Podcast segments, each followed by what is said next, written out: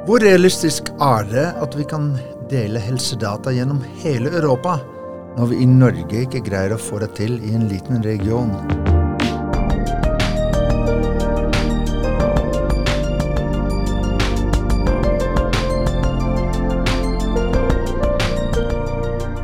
Den eh, europeiske Health Data Space, eller EHDS, har store ambisjoner om å gjøre Europa til et samlet område der helsedata kan flyttes fritt til der det er behov for dem, om det er for diagnose, behandling eller forskning.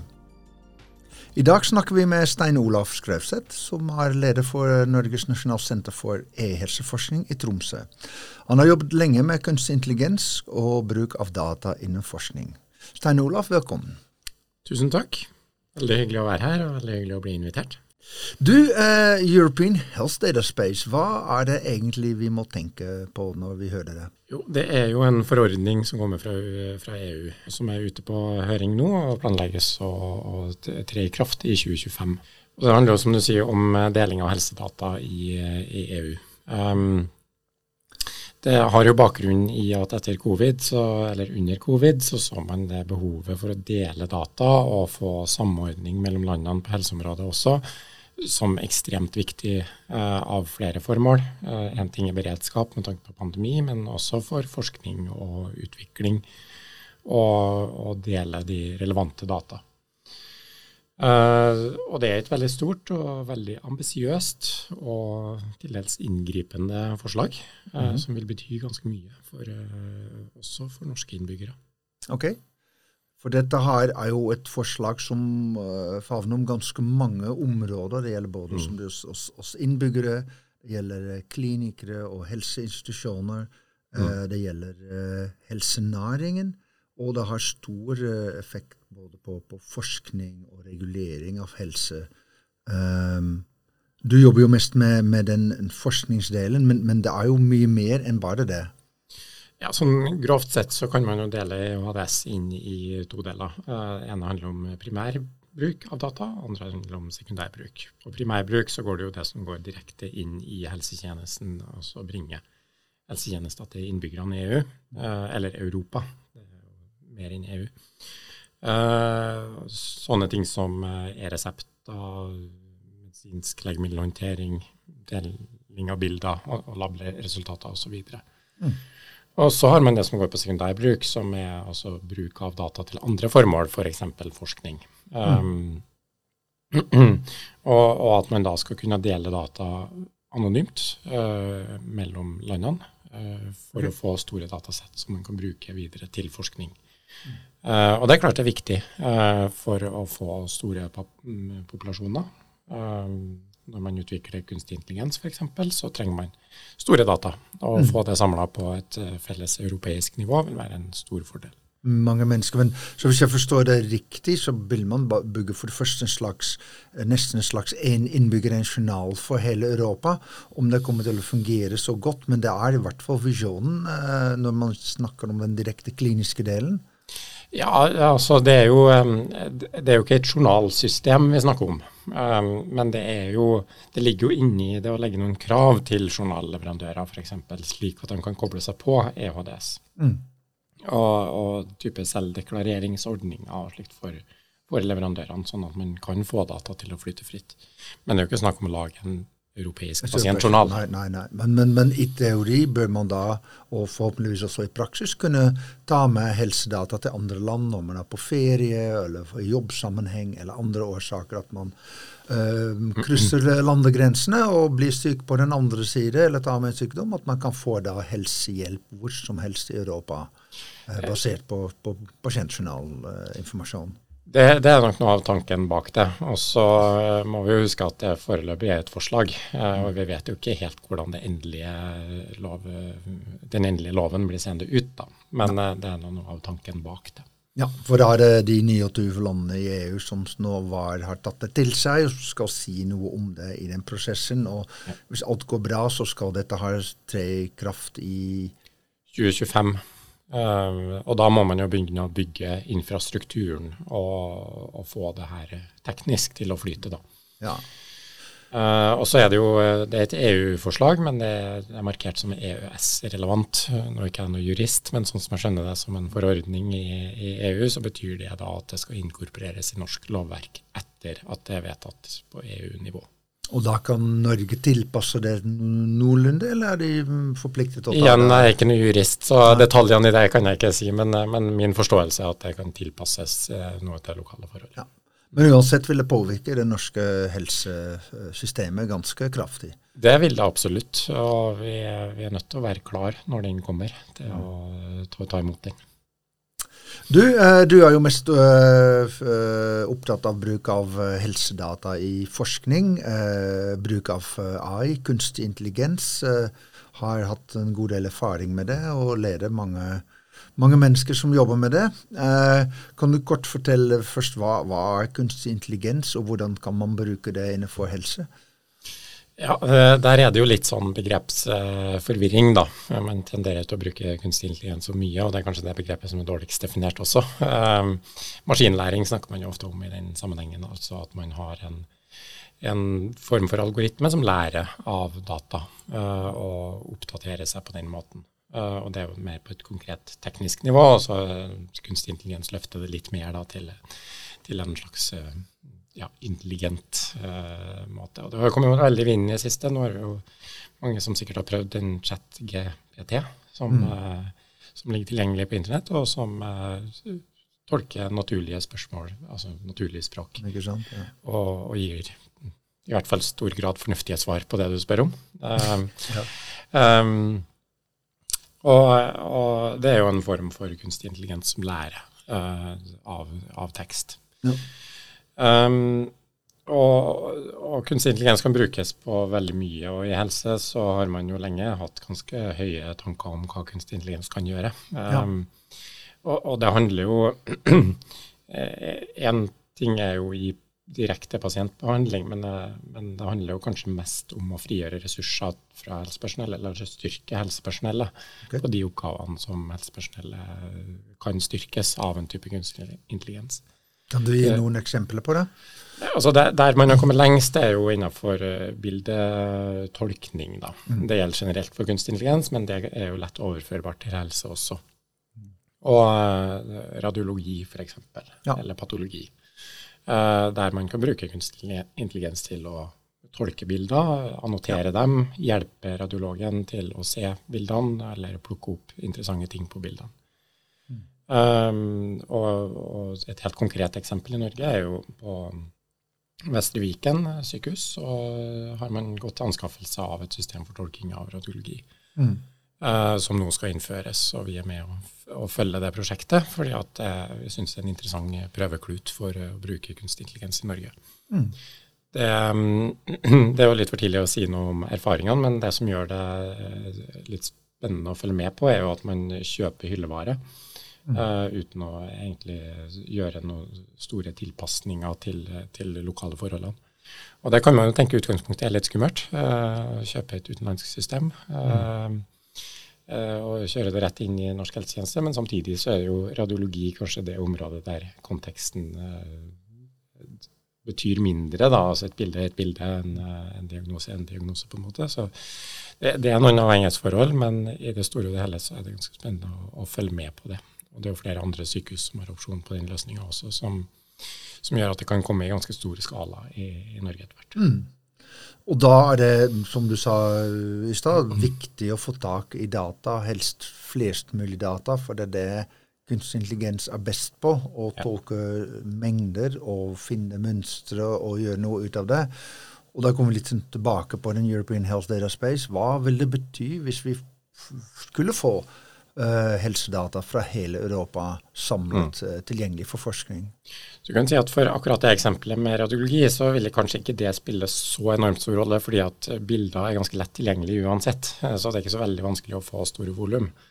Um, men på mange andre områder så vil det være, vil det være viktig. altså det er jo hvis du går på diagnose spesifikt, da, så, så, så, er det jo lett å tenke seg at du har eh, relativt sjeldne diagnoser der du har få individer på, på landnivå. Men hvis du aggregerer opp på europeisk nivå, så vil du få tilstrekkelig store datamengder i hvert fall til at du kan si noe fornuftig.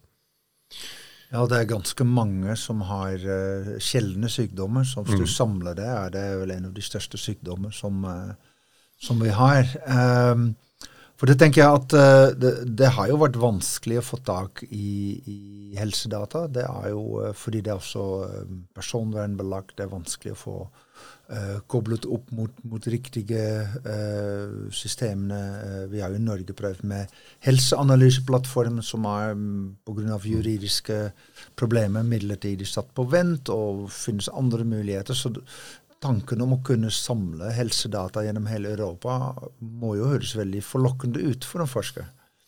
Ja, på en måte så er det jo det. Uh, samtidig så er du inne på den personvernproblematikken, da, og den blir jo ganske betydelig uh, når vi snakker om europeisk nivå.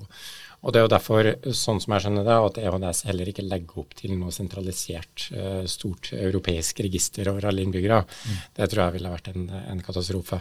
Um, men, men legger mye mer opp til at man skal ha distribuerte løsninger. Altså at Eh, leverandørene, sykehusene eller pasientene sjøl for den saks skyld har sine data, og de ligger der de er, men at man har distribuerte løsninger for å, å hente dem ut, analysere dem. Uh, uh, for den saks skyld kjøre en kunstig intelligens på dem. Mm. Der trenger det nok litt teknologiutvikling fortsatt, men, men at man man, igjen, man har ikke journal, et journalsystem, man har heller ikke et lagringssystem. Men man har en felles infrastruktur som, som det her skal bygge på. Ok. Vi, vi, vi, er jo et lite land med bare 5,5 millioner innbyggere. Hva vil det bety for norsk forskning hvis man får tilgang til alle de data? Vil det endre på en måte eh, kapasiteten og kvaliteten på forskningen? Det gjenstår nok litt å se. Også samtidig skal vi huske på at Norge ligger langt framme i utgangspunktet med de gode helsedatene vi har, da særlig de ulike registrene.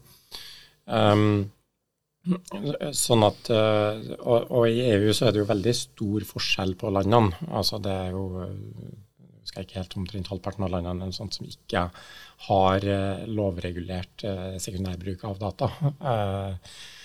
det har Norge. Men det, det sånn at det er et stort sprik i Europa også, og så må man da få datakvaliteten opp på det nivået som kreves.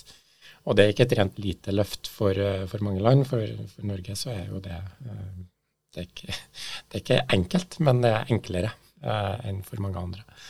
Sånn at vi eh, Det er ikke sånn at det kommer til å endre ting over natta. Eh, det er mye som skal gjøres før det her flyter ordentlig. Mm. Men jeg, jeg syns jo det, det, er et positivt initiativ fra, fra EU for å få eh, helsedata på agendaen, og få helsedata til å, til å, være tilgjengelig. For det er jo et av de store problemene man sitter med, både klinisk og i forskning. Og, mm. at, uh, å få helsedata tilgjengelig. Man har jo hatt noen initiativ også i Norden for å se hvordan man kan uh, spille inn på dette her. Tror du at Norden har en en spesiell rolle å, å, bidra med her i, i, dette store arbeidet? Ja, Når jeg sa Norge i stad, så kan du si Norden i stedet for. Uh, for det er veldig mange fellestrekk. Og jeg tror nok det er viktig at, at Norden stiller med en stemme her, og, og, og, gir innspill og litt føringer sammen. For at vi, vi har i stor grad et, uh, både felles interesser, men også felles utfordringer. Uh, i forhold til mange andre EU-land. Mm. Og, og, Norge har jo fått også en AI-strategi for, for, et par år siden. Mm. Um, er den god nok i forhold til, eh, til, dette EU gjør? Eh, er vi parallelt med den, eller henger vi etter? Er vi foran? Hva?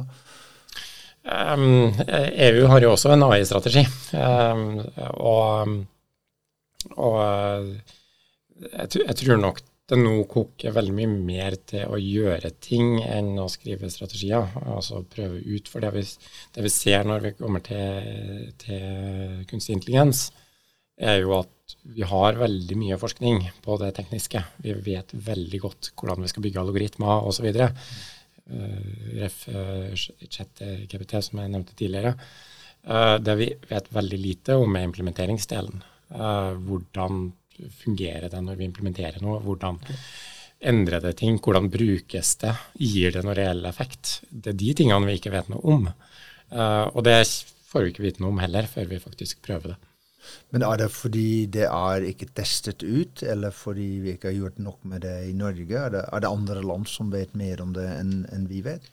Eh, nei, generelt så er det lite, lite kunnskap om akkurat det. Uh, man har jo en del forsøk uh, som har vært uh, gjort en, på implementeringa, men altså, den delen som går på forskning på implementering og faktisk bruk og faktiske effekter, den generelt ganske dårlig kunnskap om. Ok, Så er det en del skepsis mot, mot AI og kunstig intelligens og den tanke at hvis vi får bare mer data, så kan vi løse alle problemer. Særlig fra mm. noen kliniske miljøer, som uh, leger som, som, har jobbet lenge med, med, på en litt mer tradisjonell måte og med, med diagnostisering og behandling. og egentlig ikke har så veldig mye tro på at hvis vi får tak i alle de dataene, at, at vi får gjort så mye med det. Mm. Um, hvordan ser du på den skepsisen? Det er jo på en måte helt naturlig at det er en skepsis. Um, samtidig så er det ganske opplagt for meg at det er en del ting som, uh, som kan gjøres uh, av kunstig intelligens, som ikke kan gjøres av en kliniker. Det gjenstår jo igjen å se om det faktisk er tilfellet, da, men, men det, uh, altså det å Når du har, du har veldig mye informasjon tilgjengelig, både i form av forskning og litteratur, dokumentasjon om pasienten, Altså det er fryktelig mye informasjon tilgjengelig som ingen kan klare å gå gjennom og tolke på en fornuftig måte uten å bruke veldig lang tid. Um, sånn at det å bruke den typen verktøy for å kunne filtrere ut hva som er viktig informasjon, og, og, og, og kanskje peke på noe som er viktig å ha med seg, um, det tror jeg også og så må vi jo bort fra en tankegang, og det tror jeg i veldig stor grad vi er også, men vi må i hvert fall bort fra en tankegang om at vi skal erstatte noen. Uh, noen mennesker, ja. ja uh, mennesker er det behov for, men vi kan forsterke dem. Ja, for det er jo ofte en angst også, at, man, uh, at vi ikke trenger mennesker lenger. At snart uh, var det noen som skrev på Facebook at snart har vi bøker som skrives av kunstig intelligens, og så er det bare kunstig intelligens som leser disse bøkene. Sånn at vi mennesker er helt ute av loopen, og vi kan gjøre våre egne ting utenfor det. Men hvis du, hvis du tenker litt sånn um, den visjonen at man kan samle data inn fra hele Europa når vi ser at eh, f.eks. i Helse Midt at, at det å bare gjøre det i en, en region i, i, Norge skaper jo store problemer. Nå er det ikke, selvsagt ikke et prosjekt på samme dypde som som i Helse Midt, men likevel er det en tanke om å koble veldig mye opp mot hverandre. Er det realistisk, tenker du? Ja, For det første så tenker jeg at vi må bort fra å snakke om å samle data, for det er jo ikke egentlig det det er snakk om. Uh, vi skal tilgjengeliggjøre data. Um, og, så, kan du godt si det at vi, vi har strevd med det problemet her i årevis og ikke klart å løse det på, på, gode måter. Og det gjelder ikke bare i Norge, det gjelder overalt. Um, så hvorfor gjøre det på EU-nivå? Men, men, min tanke der er jo at det det er, nettopp derfor det er fornuftig å gjøre det på et internasjonalt nivå. Uh, sette litt muskler bak det, og, og må vi sikre at vi gjør det på en god måte. Um, men at vi, men at vi, vi, får litt framgang i det på et, på et felles europeisk nivå, så, så, så, kan det hende at det går an å løse det den veien. Jeg er ganske eller jeg vil si jeg er forsiktig optimist på at det kan, kan gjøres. Og hva vil det så fall da bety for Nasjonalt senter for e-helseforskning og den måte dere driver forskning på? Gullgruve av uh, en ting er dataene i seg sjøl, men også hvordan det her påvirker hele landskapet. med bruker vi HDS når det faktisk er på plass? Uh, hvilke endringer medfører det? Uh, forskning på det er jo også utrolig spennende med tanke på altså behandling, eh, men regionale forskjeller, styring. Eh, hvordan kan vi bruke det her på en, på en god måte. Altså det, det, her er jo det største initiativet som kommer fra EU på mange år. Eh, det er et prestisjeprosjekt for kommisjonen. Sånn at de kommer til å sette betydelige ressurser på å få det her i verk. Ja, det er gans, snakk om ganske mye penger de både setter inn som EU og, og mm. ber medlemslandene å bidra med. Man snakker mm. om ganske om 100 milliarder av uh, kroner i løpet av noen år. Mm. Det krever betydelige investeringer også, både på et felles europeisk nivå, men også nasjonalt i de enkelte landene. Så Norge vil også må måtte tilpasse seg noe av sin infrastruktur til dette det, prosjektet? Det må man regne med, ja. Hvor mye og hvordan, det kan ikke jeg svare på, men det, at det kommer til å kreve en viss investering, det, det tror jeg nok. Det vil vi finne ut en annen gang. Tusen mm. takk Stein Olof, for at du var her. Vi følger med European Health Data Space, for dette har da ikke en, eh, et kort prosjekt. Dette vil ta mange år. Og vi vil uh, følge nøye med hvordan uh, dette går videre. Takk for at du var her. Tusen takk.